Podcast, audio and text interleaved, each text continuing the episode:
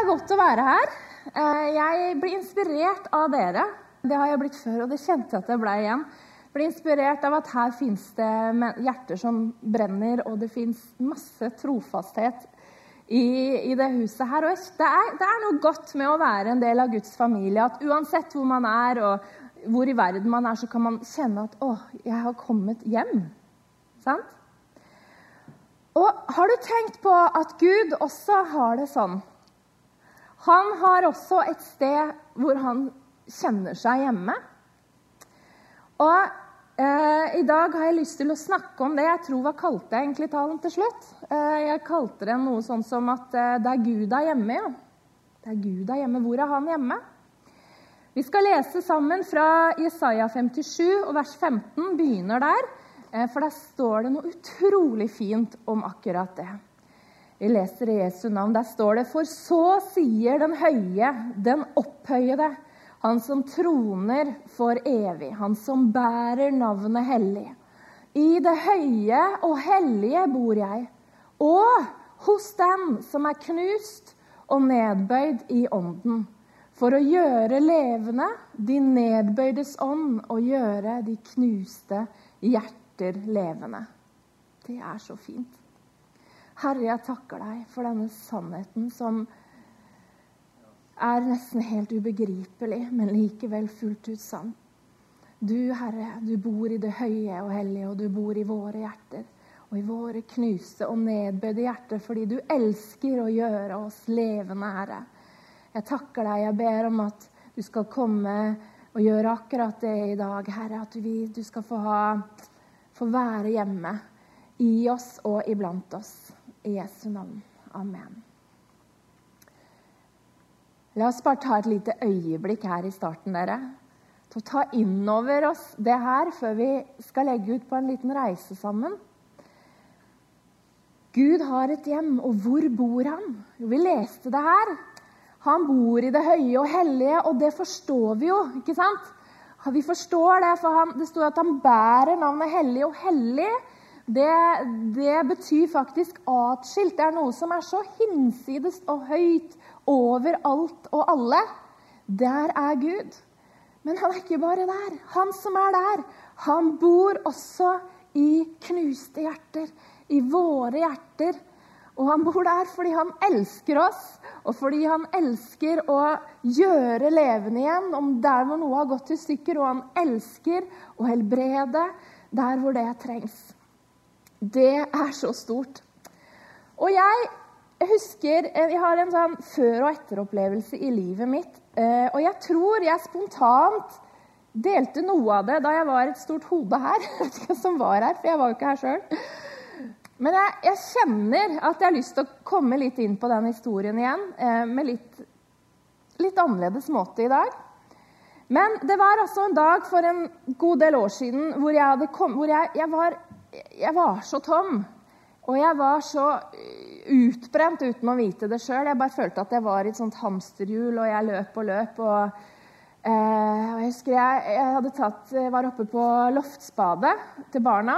og åpna takluka, titta ut, eh, så utover Melseia og fjellene der. Og jeg, jeg var så fortvila.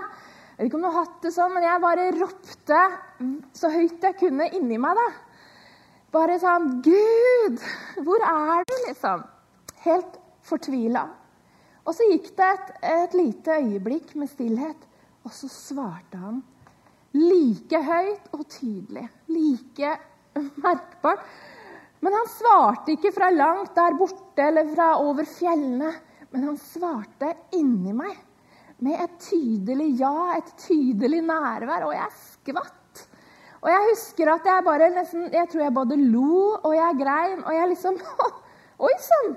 Er det der du er? Litt sånn Oi, har du vært der hele tiden, Gud? Og da begynte jeg på en reise sammen med Gud som ligner litt på en reise som to karer i Bibelen tok. Og Vi skal følge de nå de neste minuttene sammen. Og Det, nemlig, det er nemlig de såkalte Emmaus-vandrerne. Og Nå skal vi lese en lang tekst sammen. Og det, Vi tar oss tid til det. Jeg tror det er viktig å ta seg tid til det, men jeg håper at du bare kan henge med på denne fantastiske historien, så skal vi pakke den ut etterpå. Er dere klare for det? Ja. Eh, vi leser fra Lukas kapittel 24, vers 13 til 35. Der står det samme dag var to disipler på vei til en landsby som heter Emmaus. Altså, dette er samme dag som Jesus har stått opp fra de døde. altså. 60 stadier fra Jerusalem. Og de snakket om alt det som var skjedd. Mens de nå snakket sammen og drøftet dette, kom Jesus selv og slo følge med dem. Men øynene deres ble hindret i å se, så de ikke kjente ham igjen. Han sa da til dem, 'Hva er det dere går og snakker så ivrig om?' De stanset og så bedrøvet opp, og den ene, han som het Kleopas, svarte, 'Du må være den eneste tilreisende i Jerusalem som ikke, har, som ikke vet hva som har hendt der i disse dager.' 'Hva da?' spurte han, spurte Jesus. da. 'Det med Jesus fra Nasaret', svarte de. 'Han var en profet, mektig i ord og gjerning for Gud og hele folket.' Men våre oversteprester, overprester og rådsherrer utleverte ham og fikk ham dømt til døden og korsfestet ham. Og vi som hadde håpet at det var han som skulle befri Israel. Dessuten, i dag er det alt tredje dagen siden dette hendte. Og nå har også noen kvinner blant oss gjort oss helt forvirra. De gikk ut til graven tidlig i morges, men de fant ikke kroppen hans. De kom tilbake og fortalte at de hadde sett et syn av engler som sa at han lever. Noen av våre gikk til graven, og de fant det slik som kvinnen hadde sagt, men ham så de ikke. Da sa han til dem, så uforstandige dere er, og så trege til å tro alt det profetene har sagt. Måtte ikke Messias lide dette og så gå inn til sin herlighet? Og han begynte å utlegge for dem det som står om ham i Skriftene, helt fra Moses av og hos alle profetene. De nærmet seg nå den landsbyen de skulle til, og han lot som han, altså Jesus lot som han ville dra videre. Men de ba ham inntrengende, 'Bli hos oss, det lir mot kveld, og dagen heller.' Da gikk han med inn og ble hos dem.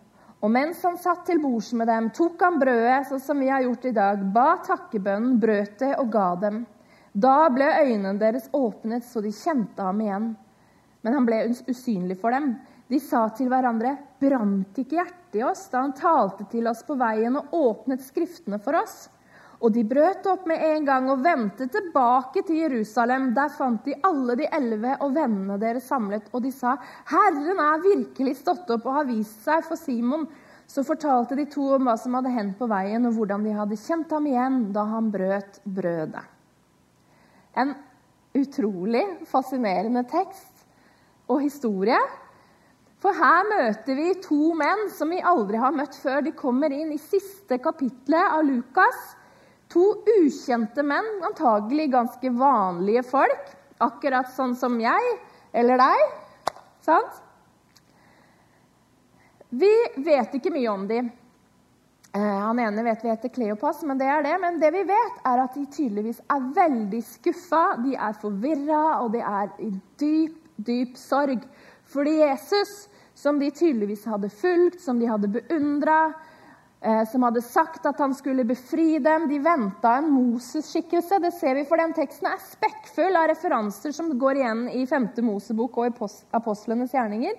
De venta en som skulle befri dem, men nå hadde han gått og gjort akkurat det motsatte. Han hadde dødd.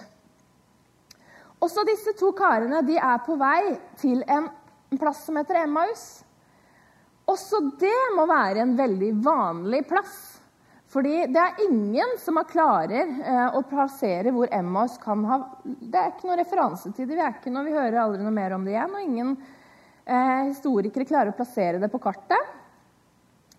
Eh, men jeg tenker kanskje var det ikke så viktig hvor de skulle, disse karene. Kanskje var det viktigste at de bare ville komme seg vekk. De ville bare bort fra smerte smerten som de hadde opplevd i Jerusalem. Og på den måten dere, så kan jo Emmaus det kan være det stedet som også vi går til. ikke sant? Det kan være våre fluktruter, det vi griper til når vi ikke orker å kjenne på uroen i oss selv, eller når ting blir litt for vanskelig. Sånn føltes det for meg, iallfall da jeg sto på, det, på Loftsbadet. Eh, jeg hadde vært så travel så veldig veldig lenge at jeg følte at jeg løp litt sånn foran meg sjøl eller hang etter meg sjøl. Men jeg var liksom ikke ordentlig til stede.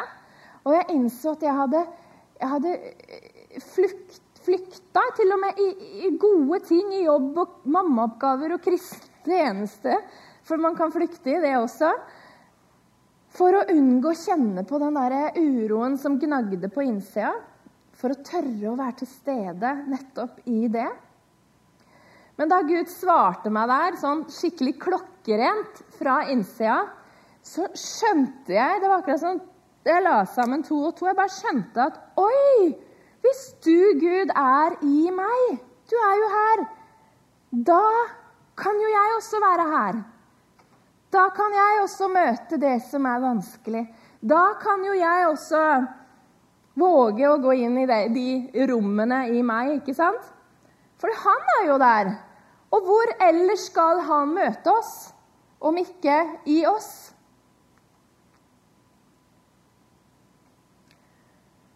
Det er nydelig.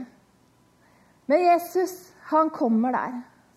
Når de går der, rømmer bort fra Jerusalem. Det er litt interessant at de, de fleste, disiplene hang jo igjen i Jerusalem, og de var samla. Mange kom sammen. Men disse her, som var også disipler av Jesus antagelig, men ikke blant de tolv, de, de stakk bort derfra. Kanskje var de også skuffa, ikke sant? Skuffa på de andre kristne. Men der kommer Jesus. Han kommer på selveste dagen, den viktigste dagen i historien. Dagen da Jesus hadde stått opp fra de døde. Og en skulle jo tro at han ikke sant, skulle tatt turen inn til Jerusalem sentrum og vist seg fram med rette ikke sant? Se her, jeg som var død. Men Jesus han gjør ikke det. Han går bort fra begivenhetenes sentrum. Og så går han og så finner han disse to som han tar følge med på veien. Disse to mennene som er så i dyp fortvilelse og som er på flukt bort fra alt sammen, og til og med bort fra de andre kristne. Og hvorfor gjør han det? Hvorfor gjør han det? Jo, jeg tror han gjør det fordi han er en gud ikke sant, som troner i det høye og hellige.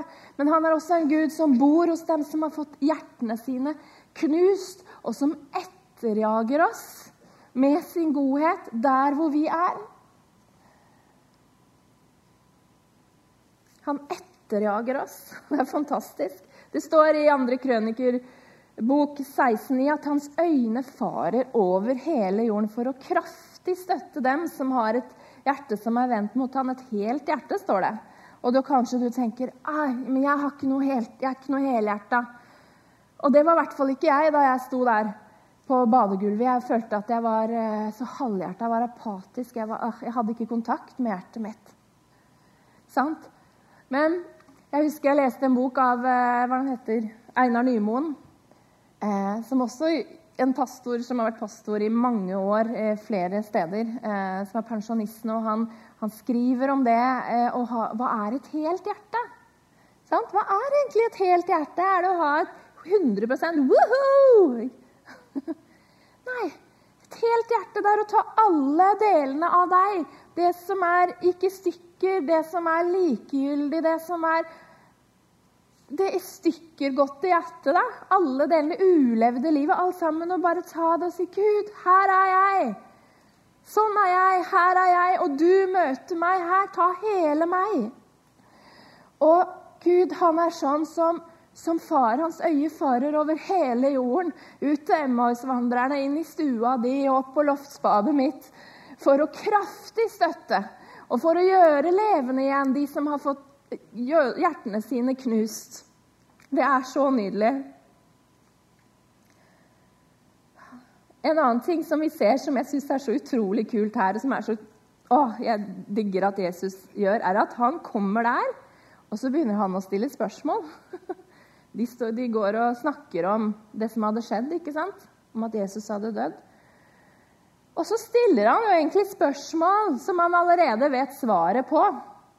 Han vet jo alle svar. Vi synger jo det at 'Jesus is the answer'. Han er svaret. Men han sier, 'Hva er det dere går og snakker om, da?'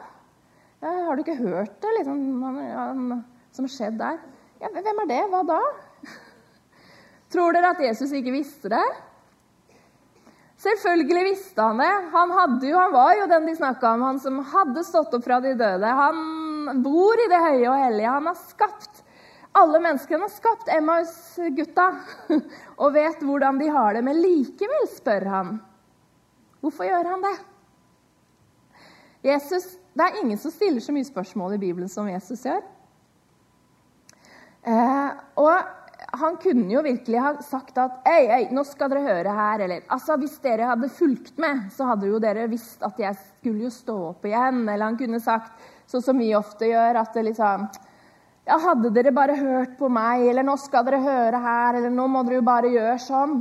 Men Jesus gjør ikke det. Han tar seg tid til å lytte. Han går ved siden av dem. Han stiller spørsmål. Han lytter lytter til deres historie, deres erfaringer. Og han gir de mennene rom til å dele hvor de er, før han kommer med sin visdom og sitt lys på tingene. Og jeg tenker, Tenk om vi også kan være sånne medvandrere. Det kjenner jeg også at denne teksten utfordrer meg til. Medvandrer, For det første så er det et utrolig nydelig ord. Vi kan være sånne som følge hverandre hjem, rett og slett. Og tenk om vi da kan komme på siden av hverandre og stille noen spørsmål. Hvordan er det å være deg om dagen? Tenk, hvordan, hvordan, opplevde du det egentlig? Eh, for det er ikke alltid vi kan se. Du kunne i hvert fall ikke se på meg da jeg sto på Lofsbadet, at ikke jeg hadde det bra. Tipp topp. Tommel opp. Nei, er, vi er så flinke til å holde det tilbake og skjule det pakke ting inn. Men en Instagram-poet altså på, på, Instagram som heter Stjernekast, hun beskriver denne følelsen som når du sier du har det bra, og ingen tar seg bryet med å dobbeltsjekke om du ljuger. og den samme poeten hun skriver at er det ikke pussig, det der, hvordan noen mennesker kan famle i mørket ditt i evigheter, mens andre stiger rolig inn, tørker pent av seg på bena og går rett bort til lysbryteren som om de visste hvor den var hele tiden. Jeg syns det var koselig og fint sagt. Men jeg bare tenker ja. La oss være sånne som dobbeltsjekker om vi ljuger. på en måte. La oss være sånne som ikke bare valser inn med vår versjon og vår historie, men som er litt ydmyke og tar oss på skoa, tar oss på bena når vi får tilgang inn i et annet menneskes liv, og som finner fram til lysbryteren, så det kan bli litt lys der. Paulus han sier, så, sier det så fint i Romerne 15,7.: Ta derfor imot hverandre, slik Kristus har tatt imot dere, til Guds ære. Ta derfor imot hverandre, slik Kristus har tatt imot dere til Guds ære. Og hvordan har Kristus tatt imot oss? Hvordan har Jesus tatt imot deg? Vi ser det jo her ikke sant, med Emmaus-vandrerne. Vi ser hvordan han tar imot dem. Og det finnes helbredelse i sånne møter. Det gjør det. Det finnes helbredelse i sånne møter så er det så spennende å se på hvordan Emmaus-vandrerne svarer Jesus. da. Eh, vi leste at de stansa og så bedrøva opp. Og så sier, begynner de å legge ut om, om Jesus. Det med Jesus, sier de. Han var en profet, mektige ord og gjerninger fra Gud og hele folket. Men våre oversteprester og rådsherrer utleverte ham og fikk ham dømt til døden og korsfestet ham. Og vi som hadde håpet at det var han som skulle befri Israel så Du bare kjenner det synker i den siste setningen der. Men disse guttene her, de begynner altså å ramse opp hvem Jesus hadde vært, eller hvem de trodde at han, han var. da. Jeg hørte skal vi se, Steinar Gjelseth, han er en frikirkepastor. Han skrev at Emmausvandrerne de sto foran han som er 'jeg er', og fortalte om han som var. Tenk på det! Han, Han er jo 'jeg er'. Jave betyr 'jeg er'. Han er det jo nå, ikke sant? Han var det, han er det, og han er og han skal være. Han er Jehova, altså Ra, Herren din hyrde. Han er Jehova Rafa, Herren din helbreder. Han er Jehova Shama, Herren er nær. Og mange, mange andre ting. Men de forteller altså Jesus om Jesus. Og det kjenner vi vel også oss igjen i. At vi kan fortelle Jesus hvordan han burde være. Eller har, ja, hva han burde gjøre, og hvordan han bør være. Eller, eller vi liksom ser han ikke, enda han er rett der. Emmausvandrerne ser i hvert fall ikke Jesus. Og kanskje gjør ikke vi heller det. Vi forstår ikke helt hvem det er vi har med å gjøre. Hvem det er som går ved siden av oss, hvem som er bor i oss. De ser bare skuffelsen sine, de. Det er så langt de ser. Og det ser Jesus. Han skjønner det. Han, han vil høre om det. Og nå går de i feil retning. De skal lete på feil sted. For de tror liksom at de har hele bildet. De tror jo de har forstått alt. Men gjør de det? Eller gjør du det? Gjør jeg det, egentlig? Og De hadde jo fulgt Jesus, de hadde jo vært tett på ham. De forteller jo om miraklene som Jesus gjorde. Men likevel så, så ser de han ikke. Hva med deg? Har du fulgt Jesus? Har du opplevd store ting med han? Har du sett han? Har du Men kan det være at, du, at dine skuffelser i livet, dine nederlag, det som ikke blei sånn som du hadde sett for deg, eh, gjør at du ikke ser hvem Jesus er for deg akkurat nå? Kan det gjøre at du ikke ser hvor nær han er? Kan, gjøre, kan på en måte det som ikke blei sånn som vi hadde tenkt i fortida, kan det gjøre at ikke vi ikke ser hva han vil gjøre nå?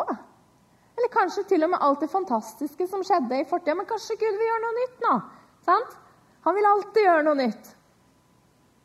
Eller kanskje ser vi heller ikke Jesus fordi vi, vi ser ikke etter ham, eller vi, er, vi leiter på feil plasser.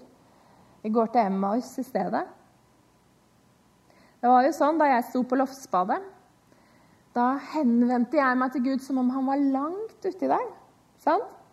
Det var litt sånn som når barna jeg husker de noen ganger ropte spesielt han ene når han var liten. Så kom han og 'Mamma!' ropte ut. Og så Ja, jeg står jo, jeg står jo rett her, ikke sant? Står rett ved siden av. Men jeg hadde lett etter Gud. Eh, jeg hadde lett etter Gud i liksom, å, eh, miraklet da, som ikke skjedde da. Da moren min døde av kreft, som vi var, var sikre på at hun var helbreda. Og andre drømmer som ikke knuste, eller tvil. Masse tvil som på en måte kvelte troen og relasjonen med Jesus. Men så så jeg ikke liksom at Oi, du er jo her. Jeg så ikke hvem jeg hadde med å gjøre, hvem jeg hadde rett sammen med meg der. Han som bor i mitt sønderknuste hjerte. Alle bitene. Det kunne jeg bare si. Her er jeg! Kom, Herre.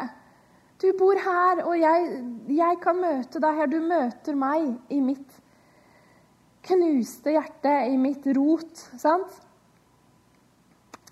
Og det Jesus også gjør dere, etter at han først har lytta så begynner han å veilede dem. Han begynner å lede dem. Han begynner å legge ut skriftene for dem. Han legger ut fra Det gamle testamentet. Det, vi får jo ikke selve utleggingen her, men det gikk i 60 stadier. Det er ca. én mil. Og tenk dere å være med på den bibeltimen der, hvor Jesus legger ut ja, sikkert om Moses og om Noah, om alle David og alt som peker rett på Jesus. og hva Jesus skulle gjøre. Og jeg tror det kanskje allerede her For etterpå så sier de brant jo hjertene våre når han, han åpna Skriftene. Og jeg tror de allerede her begynner å, å, merke noe. De begynner å kjenne at å, her er det sannheter. De begynner å se at hans historie er så mye større. Hans historie er så mye rikere enn det vi har sett til nå. Og det, det tror jeg Gud også har lyst til å vise oss. Og så skjer det noe spennende dere, når, når de kommer nærmer seg veikrysset, avkjørselen til eh, Emmaus. og da står det at ja, de nærma seg nå den landsbyen de skulle til. Og han lot som han ville dra videre. syns jeg er utrolig vittig formulering, egentlig. At de gikk sammen, og Jesus bare Ja, nå, hva skal jeg nå, liksom? Så han bare Ja, ja, halla. Jeg vet ikke hvordan han gjorde det, om han gjemte seg bak en busk eller Jeg tror ikke han fant på en hvit løgn, jeg veit ikke, men han lot som, i hvert fall. At han skulle videre. Og hvorfor gjorde han det? Det kan vi jo aldri vite.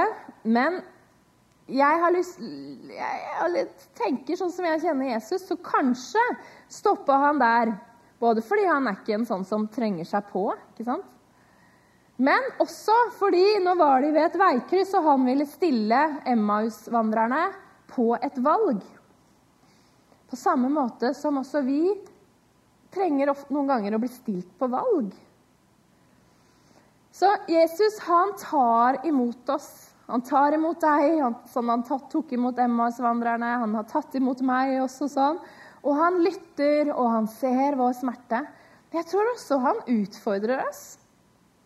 Jeg tror han utfordrer noen her, han utfordrer oss alle, til å ikke flykte fra livets skuffelser, men heller la Jesus møte oss akkurat der vi er.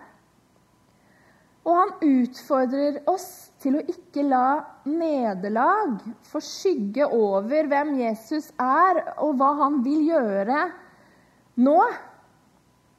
Kanskje vil han gjennom det som skjer, vise deg større, et større bilde av hvem han er, og en, en, større historie som ikke vi ser rekkevidden av på denne sida av evigheten.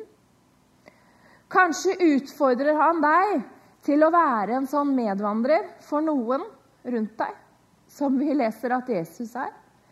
Som eh, går ut på veiene, som går til de som sitter hjemme, som oppsøker og som lytter, som tørker av seg på beina, eller tar av seg på beina, og som finner lysbryteren.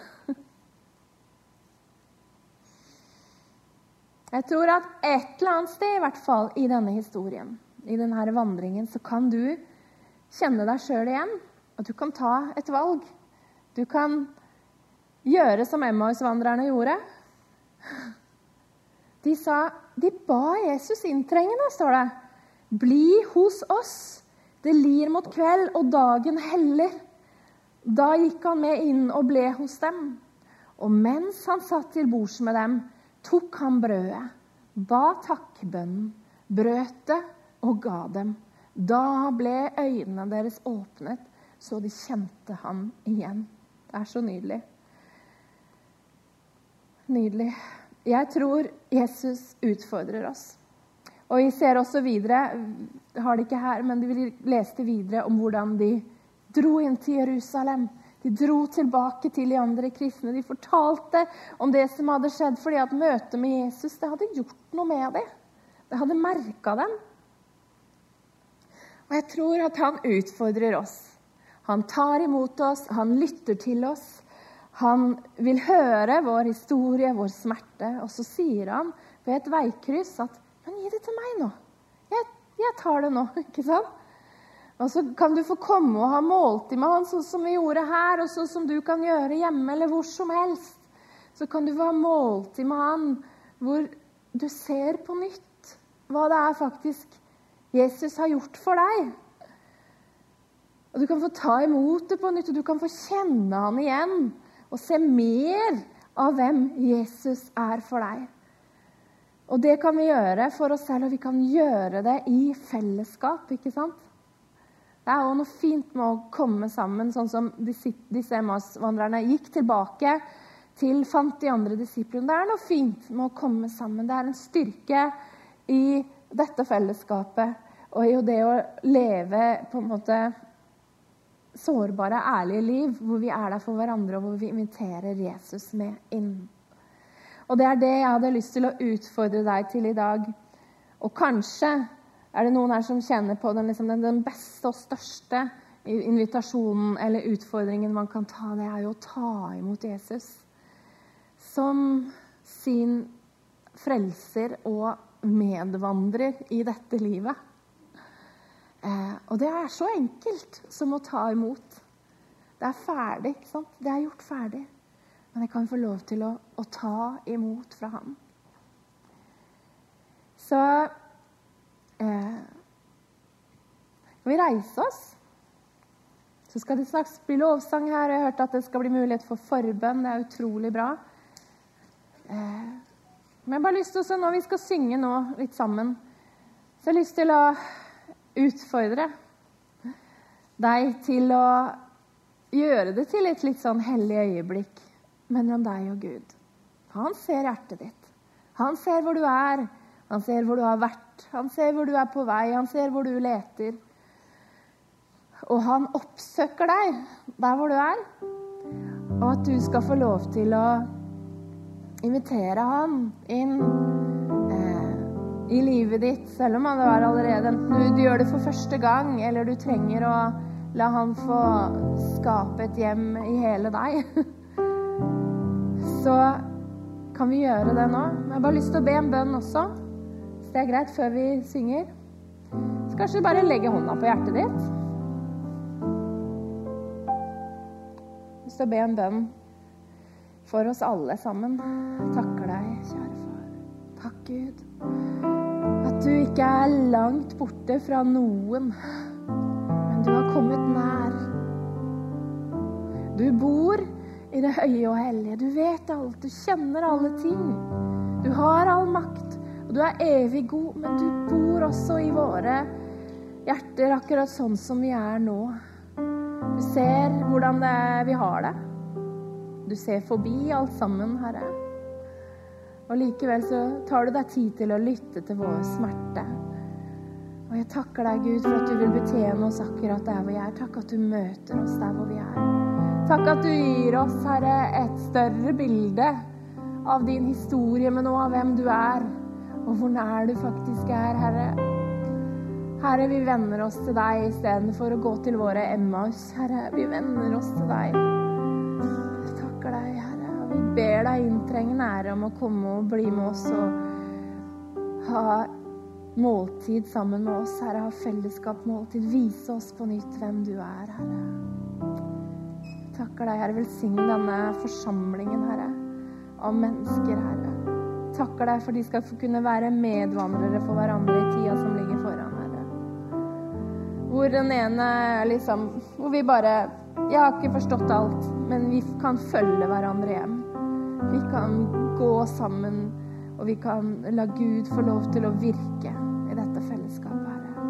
Ber om Jesu navn.